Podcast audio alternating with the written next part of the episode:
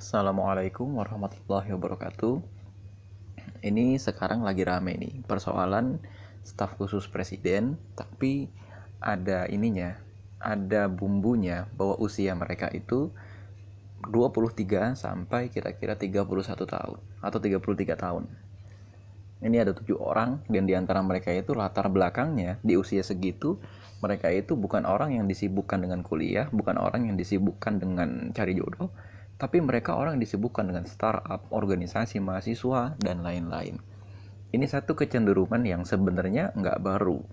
Ya, sebenarnya nggak baru, tapi kok kayaknya sekarang lagi viral gitu ya. Karena memang tampaknya gitu ya, Presiden memang ingin menampakkan pemerintahan sebagai yang pro kepada generasi milenial. Setelah sebelumnya itu mengangkat Nadiem Makarim yang usianya juga belum 40 itu sebagai Menteri Pendidikan. Tapi sebetulnya apa sih yang terjadi pada bangsa kita? Apakah generasi milenial ini uh, fenomena yang baru atau sesungguhnya generasi milenial atau dalam hal ini ya itu sebenarnya fenomena yang lama? Oke. Okay. Saya sebetulnya sejak lama menduga teori generasi milenial itu adalah alat ya, alat dari negara maju untuk bisa mengklasifikasi dari penduduk negara berkembang atau dalam hal ini alat dari negara besar yang punya modal atau negara kapitalis yang punya modal untuk bisa mengkapitalisasi negara berkembang. Nah, mari kita perhatikan uh, pembagian atau segmentasi gitu ya dari negara maju dan negara berkembang atau negara dunia ketiga saja itu sudah merupakan sebuah diskriminasi. Kenapa? Karena seolah-olah standar kekayaan atau standar kemakmuran dan standar rapihnya manajemen sebuah negara aja ini kan kadang-kadang diacunya itu dari negara maju tadi ya kan? Nah ini yang kemudian menjadi masalah. Terus kenapa kok e, pembagian generasi X Y Z itu e, itu ternyata merupakan sebuah apa ya gejala gitu loh gejala kapitalisasi atau imperialisasi gaya baru karena ternyata pembagiannya itu berdasarkan penyebaran teknologi atau berdasarkan penyebaran isu yang isu itu berasal dari negara yang diidentifikasi sebagai negara maju dalam klasifikasi sebuah negara tadi. Mungkin pendapat saya ini akan menjadi pro kontra ya, iya. Karena ya saya tahu sekarang bahkan bisnis aja itu dimulai dari gejala itu. Tapi apakah benar bahwa sekarang ternyata generasi milenial itu tipenya sangat berbeda dari generasi sebelumnya. Artinya begini, internet saja gitu kan, memang internet adalah lambang kemajuan manusia. Tapi sesungguhnya uh, yang jadi masalah Kenapa pembagian generasi dihitung berdasarkan produk yang dikeluarkan oleh negara yang diklasifikasi sebagai negara maju, bukan berdasarkan kemajuan peradaban yang ada dalam konteks non-benda atau dalam hal ini kebudayaan. Nah ini ada ada satu apa ya semacam propaganda yang saya nilai gitu ya. Uh, tapi kok jauh banget ya ngomongin apa staf khususnya presiden kok jadi ke sini? Iya, karena memang dari sinilah mindset kita akan dimulai. Jadi begini. Sederhananya, saya ingin mengatakan begini. Pembagian atau klasifikasi generasi milenial itu gitu ya kan ditariknya itu berdasarkan responsibilitas kepada media atau ditariknya itu berdasarkan uh, reaksi kecepatan reaksi kita terhadap media yang mana ternyata kenapa standar kemajuan generasi tidak dimulai dari kemajuan cara mereka berinteraksi atau berperadaban dalam hal ini akhlak. Sedangkan kita tahu ya majunya media itu belum tentu disertai dengan majunya akhlak. Kan itu yang jadi masalah gitu ya. Eh, contoh ya kemajuan penggunaan media itu kita lihat generasi milenial itu katanya memang suka memviralkan segala sesuatu. Pertanyaan saya adalah apakah generasi sebelumnya nggak suka? Suka juga. Kita tahu ya di generasi sebelumnya sebelum generasi Z di generasi Y itu kita kenal informasi yang viral ini dengan koran. Saat itu koran itu dianggap sebagai media yang sangat-sangat merajai uh, peradaban pada saat itu. Orang kalau nggak baca koran itu dianggap tidak milenial dalam hal itu bukan milenial bahasanya ya. Orang kalau nggak baca koran itu dianggap nggak generasi yang modern. Apakah orang nggak suka sesuatu yang viral? Ternyata suka pada saat itu. Sampai-sampai di Indonesia itu muncul koran tahun 2000-an waktu itu gitu ya. Namanya lampu merah. Dan berita-beritanya berita yang begitu gitu dah. Ada juga koran yang sampai hari ini masih bertahan. Namanya koran pos kota pos kota isinya juga begitu yang berita-berita yang gampang viral gitu loh. Uh, cerita-cerita yang agak porno gitu ya kejahatan-kejahatan tapi yang penggambarannya terlalu detail sehingga ya kayak sekarang gitu kan ada orang kecelakaan di potret bahkan saya masih ingat banget waktu kecil itu apa namanya baca atau lihat berita saya lupa korannya kalau nggak salah Indopos. Di Indopos itu eh, ada foto korban eh pelaku kalau nggak salah pelaku teror yang kepalanya lepas dan itu nggak disensor sama sekali. Ketika lembaga lain atau koran lain sudah menerapkan sensor. Meskipun saat itu undang-undang sensor atau peraturan sensor itu belum seketat sekarang.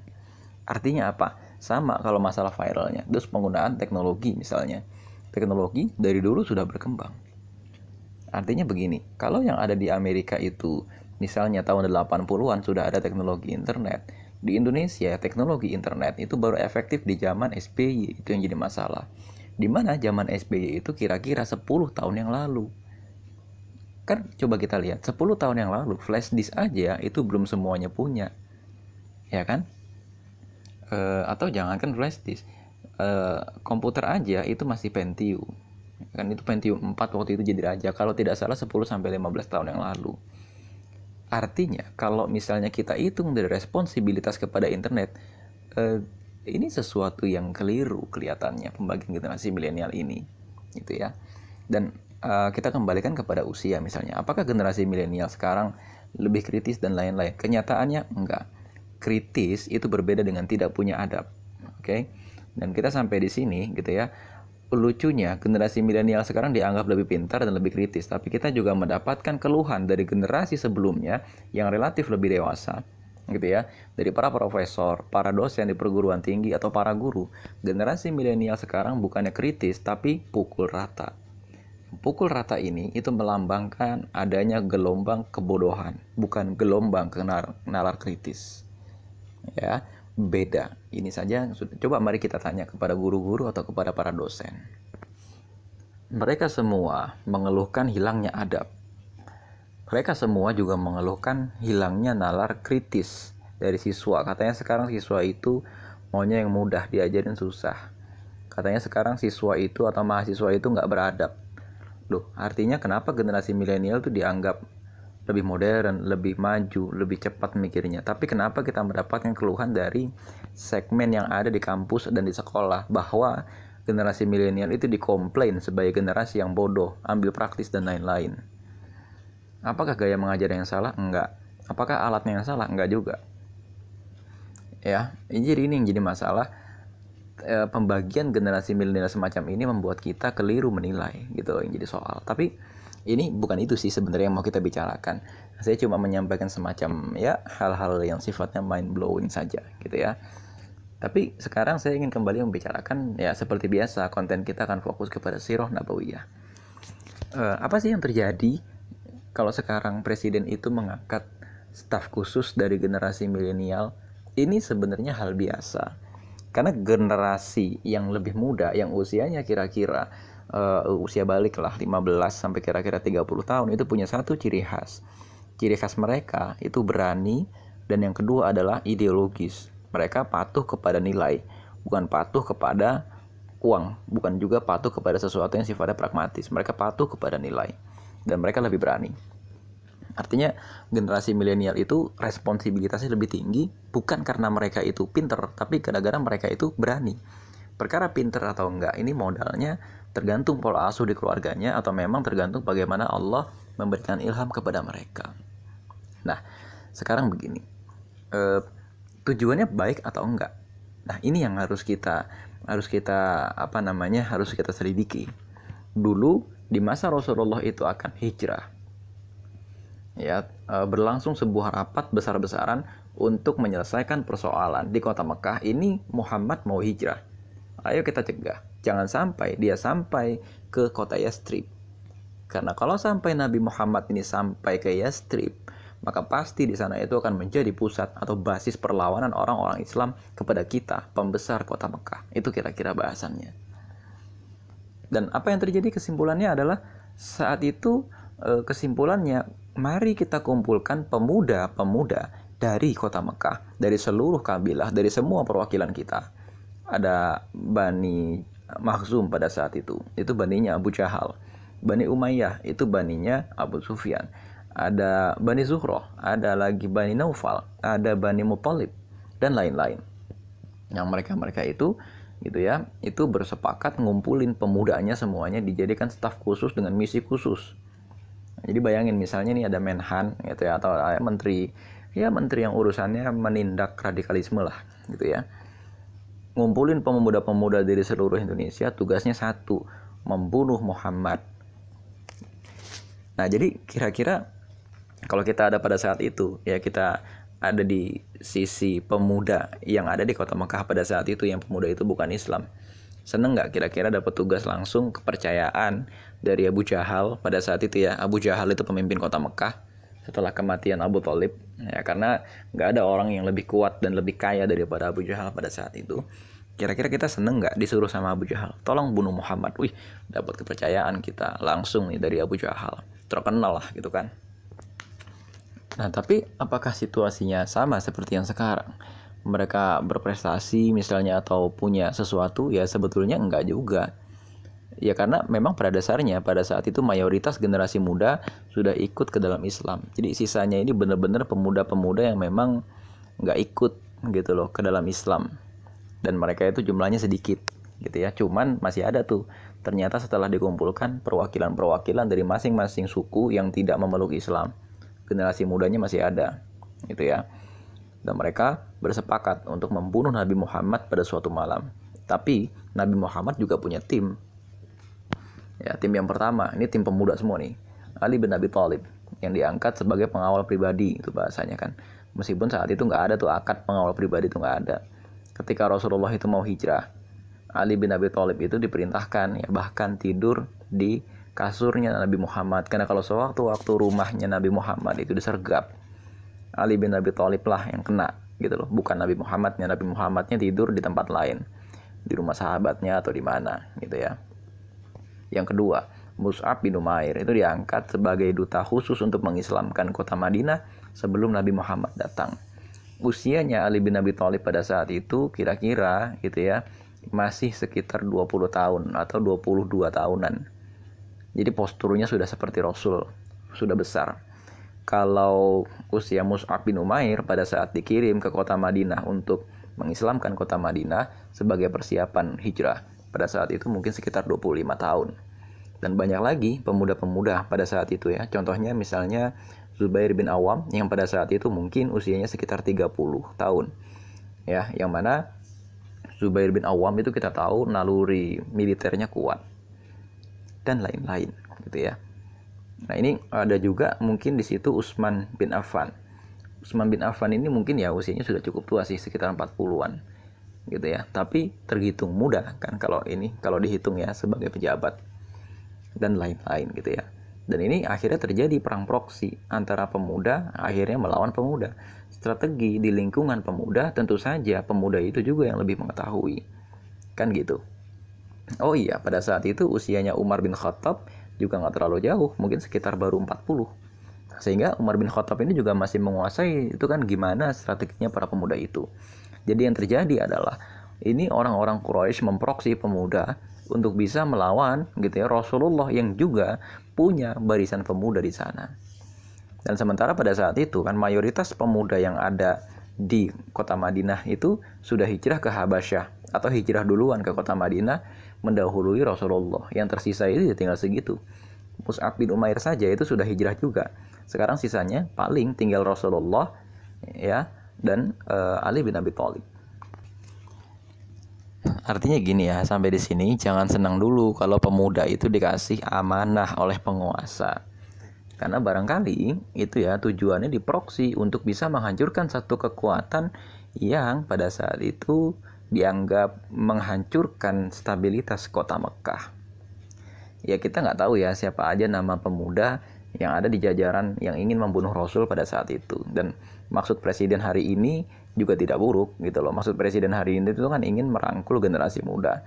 Ya di antaranya memperlebar startup dan lain-lain gitu ya. Tapi kan uh, hari ini ada banyak kepentingan bangsa itu yang sesungguhnya jauh dari itu gitu loh nah artinya gini uh, staf khusus pemuda gitu ya staf khusus presiden yang isinya pemuda-pemuda ini harusnya gitu kan diisi oleh orang-orang yang paham contoh sekarang misalnya untuk menyelesaikan masalah pendidikan saya betul betul-betul punya pandangan bahwa untuk menyelesaikan masalah pendidikan itu perlu orang yang memang lahir dari kultur pendidikan ya. Dia ini bukan cuma pakar bukan cuma akademisi tapi juga orang yang malang melintang jatuh bangun di bidang pendidikan. Karena apa? Masalah utama di bidang pendidikan itu itu bukan kurikulum nggak cocok kurikulum apa aja yang diajarkan bisa aja cocok orang sekarang itu ada puluhan jenis kurikulum kok dari PKBM TKBM, kurikulum IT, Islam terpadu, ada yang kurikulum apalagi itu ya, kurikulum internasional bakalaureat, kurikulum Cambridge misalnya kan, ada yang kurikulumnya apa tuh dari Australia saya lupa. Semuanya cocok kok. Asal satu syaratnya manajerialnya beres. Karena kan ada delapan syarat, apa delapan elemen pendidikan. Ada pengajarnya, ada gurunya, ada pembiayaannya, ada kurikulumnya, ada lingkungan masyarakat sekitar, ada apa lagi ya ada dan macam-macam tapi ada satu elemen yang paling penting yaitu manajerial Nah, kenapa orang sekarang itu kok pendidikan nggak bisa maju-maju? Manajerial. Manajerialnya berantakan. Untuk bisa mencairkan dana bos dan mempertanggungjawabkan pengeluaran dana bos kepada dinas pendidikan saja, itu susahnya minta ampun. Butuh orang yang khusus di situ, butuh TU. Tapi yang jadi masalah sekarang TU-nya kadang-kadang nggak ngerti. Akhirnya yang dikirim adalah guru. Guru juga kena beban mengajar yang RPP-nya atau rencana pembelajarannya itu sudah sulit. Artinya manajerial pendidikannya nggak beres. Itu satu. Contoh. Yang kedua, sekarang misalnya guru untuk bisa naik jabatan ya, PNS kita bicaranya ya, atau misalnya e, bukan cuma naik jabatan, dapat poin kredit. Itu harus melaksanakan penelitian tindakan kelas misalnya. Dan itu penelitian tindakan kelasnya sama sekali tidak praktis. Ribet ya. Sangat-sangat ribet. Belum lagi kita harus misalnya menangani profesi guru yang itu sepenuhnya belum terlindungi ya kan? Belum terlindungi dari apa? Dari resiko kerja. Misalnya guru itu 24 jam itu nerima komplain dari orang tua murid dan orang tua murid nggak mau ngerti. Karena apa? Rata-rata orang tua murid komplain sama gurunya ketika murid sudah pulang. Di luar jam kerja guru. Dan guru juga rata-rata bayangin kalau guru yang seminggu itu 24 jam ngajarnya. 24 jam itu dalam arti disebar ya ke setiap hari. Kalau dia ngajar misalnya uh, 5 hari gitu ya. Berarti kan 24 jam itu sehari sekitar uh, eh, 5 jam. Itu aja dia jam kosong paling cuma 2 jam atau 3 jam sehari atau bahkan paling maksimal ya 4 jam. Dia harus bikin soal dia harus ngoreksi dia harus bikin ujian ya kan? Dia harus bikin ulangan harian dia harus bikin percobaan praktikum dan lain-lain. Itu aja kadang-kadang soal ujian dibawa ke rumah ya kan dan kadang-kadang di rumah masih dikomplain segala macam. Artinya yang dibutuhkan adalah sebatas tata kelola. Bukan gaya-gayaan milenial segala macam gitu loh. Dan tata kelola ini yang ngerti siapa? Yang ngerti orang yang sudah turun ke lapangan. Gitu loh yang jadi soal. Korupsi di bidang pendidikan tuh saya rasa itu kebanyakan yang korupsi juga bukan kepala sekolah bukan guru segala macam. Karena guru rata-rata ikhlas yang korupsi. Coba aja lihat kasus di berita. Kepala dinas itu kebanyakan yang korupsi. Dan kepala dinas itu rata-rata itu bukan orang yang ada dari lingkungan pendidikan. Ya kan? Iya sih ada sebagiannya juga yang merupakan kepala sekolah. Tapi lihat orang yang jadi kepala dinas itu rata-rata relasinya dengan parpol atau relasinya dengan ormas di luar lingkungan pendidikan yang menyebabkan dia akhirnya berbuat kejahatan. Ini contoh tidak ada kaitan antara usia ya antara penggolongan generasi milenial dengan penyelesaian kasus yang ada di tengah-tengah masyarakat. Ada lagi misalnya katanya staf khusus presiden bidang pemuda ini juga gitu ya untuk membuat pemuda lebih termotivasi dan lain-lain. Kita sama-sama tahu pemuda itu hatinya halus, tajam. Hatinya itu kritis gitu ya. Hatinya itu eh, dia akan membandingkan situasi yang ada di luar dirinya dengan idealisme yang selama ini dia anut. Dan biasanya pemuda itu punya standar keadilan sendiri. Nah, kalau sekarang misalnya banyak pemuda yang ternyata menjadi oposisi dari pemerintah atau bukan oposisi dari sengganya, suka kritik pemerintah. bukan gara-gara pemudanya nggak sibuk banyak kok teman kita yang sudah kaya sudah sibuk tapi tetap punya standar keadilan sendiri karena memang masalah utamanya pemuda-pemuda ini masih punya semacam patokan keadilan yang jelas untuk menilai sebuah negara nah di sini kemudian banyak pemuda yang sebetulnya jadi yang kritis Misalnya, dia milih Jokowi, dia milih PDIP, tapi dia bisa nggak sepakat dengan beberapa kebijakan dan dia akan kritik dengan keras. Terus apakah solusinya misalnya dengan menempatkan staf khusus pemuda? Enggak. Ternyata solusinya adalah tegakkan keadilan, selesai masalah.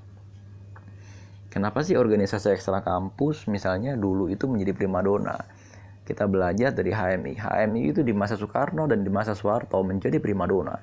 Semua orang ikut HMI karena HMI itu saat itu punya standar keadilannya sendiri yang pada saat itu semua orang merasakan dampak dari ketidakadilan Soekarno dan Soeharto. Kami, ya Kesatuan Aksi Mahasiswa Muslim Indonesia pada saat itu juga di, diikuti oleh banyak pemuda di generasinya, termasuk sampai sekarang. Kenapa? Karena kami juga menawarkan standar keadilannya sendiri.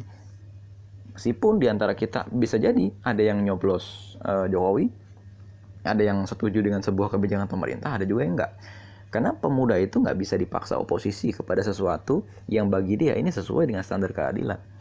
Dan makanya sekarang kita juga ngelihat pemuda-pemuda sekarang itu nggak berormas lagi. Ada mungkin pemuda yang bergabung ke dalam Muhammadiyah atau bergabung ke dalam NU. Tapi tetap aja ketika di YouTube dengerinnya Khalid Basalamah dari Al Irsyad. Tapi ketika ngaji di sekitarnya ada kajian sunnah, bahasnya fikih, fikihnya fikih sunnah gitu loh. Artinya fikih mazhabnya Hanbali tapi dia juga liko di kampus yang mana liko itu tarbiyah ustadznya beda lagi kan gitu nah artinya di sini eh, apa ya bahasanya itu pemuda-pemuda itu nggak peduli lah siapa sosoknya nggak peduli lah siapa apa ormasnya nggak peduli lah lu punya apa gitu. Tapi yang mereka pedulikan adalah lu punya konsep keadilan nggak? Kita tuh lagi mencari sebenarnya gitu loh. Ini ya yang kemudian menjadi apa menjadi menjadi persoalan gitu loh. Nggak nggak selamanya kita mengangkat staf khusus dari generasi milenial itu selesai masalah. Meskipun iya itu menyelesaikan sedikit masalah. Ya tapi masalah utamanya itu bukan itu. Kita lihat misalnya startup aja tuh masih banyak itu yang belum bisa diselesaikan contoh jaminan privasi data yang di Amerika dan Eropa sebagai negara asal tempat pembibitan konsep startup di negara asal mereka itu saja banyak kasus startup itu mencuri data. Di mana startup itu kan eh, atau ya startup berbasis digital itu kan kebanyakan modelnya itu menggunakan data kita. Ya kan? Atau contoh yang paling real adalah kasus Cambridge Analytica yang dibajak ya atau yang membajak proses pemilu dan Cambridge Analytica ini membajak Facebook atas uh, pesanan dari seorang capres yang hari itu yaitu Donald Trump. Ini memberikan pelajaran buat kita. Ya contohnya di ojek online gitu kan kalau ada startup berbasis ojek online misalnya kan ada nggak jaminan kerahasiaan data kita apalagi anda adalah seorang aktivis mahasiswa misalnya ada nggak jaminan kerahasiaan data kita siapa yang bisa membaca data kita bila mana kita menggunakan jasa ojek online dari titik A ke titik B Siapa yang bisa menunggu kita di titik B? Siapa yang bisa mengetahui bahwa kita ada di titik B? Wow, itu kan. Dan kita selama ini nggak pernah peduli karena bangsa kita belum bangsa yang terdidik untuk betul-betul e, membaca terms atau kesepakatan yang ada dalam setiap aplikasi. Kan gitu masalahnya. E, jadi tantangan kita ya sebagai generasi milenial itu bukan cuma masalah kita cepat jadi pejabat misalnya memotong generasi enggak enggak begitu. Tapi masalah kita itu bagaimana cara kita menjadi lebih cerdas dan lebih kritis sehingga masalah di Indonesia ini bisa lebih cepat selesai. Startup ya sekarang jadi fenomena tapi apakah itu menjadi solusi? Itu cuma bagian kecil. Dagang konvensional juga bisa kok jadi solusi. Ya kan asal kita berani aja. Mau tipenya startup kayak MLM kayak gitu ya atau perbankan kita mainnya atau perusahaan konvensional kayak asal kita itu berani ya tabrak tabrak tabrak aja udah akan cepat gede. Mungkin itu bikin startup. Dan ada data statistik kenyataannya ketika ada kalau nggak salah sekitar 1000 startup yang dibangun yang bertahan ternyata nggak sampai 100 artinya di bawah 10% keberhasilannya. Dan ternyata model bisnis yang lain juga kayak begitu MLM dan lain-lain. Karena ternyata itu bukan tergantung dari cocok-cocokan nih sama generasi. Enggak. Karena itu ternyata tergantung dari individu yang menjalankannya. Kira-kira itu. Assalamualaikum warahmatullahi wabarakatuh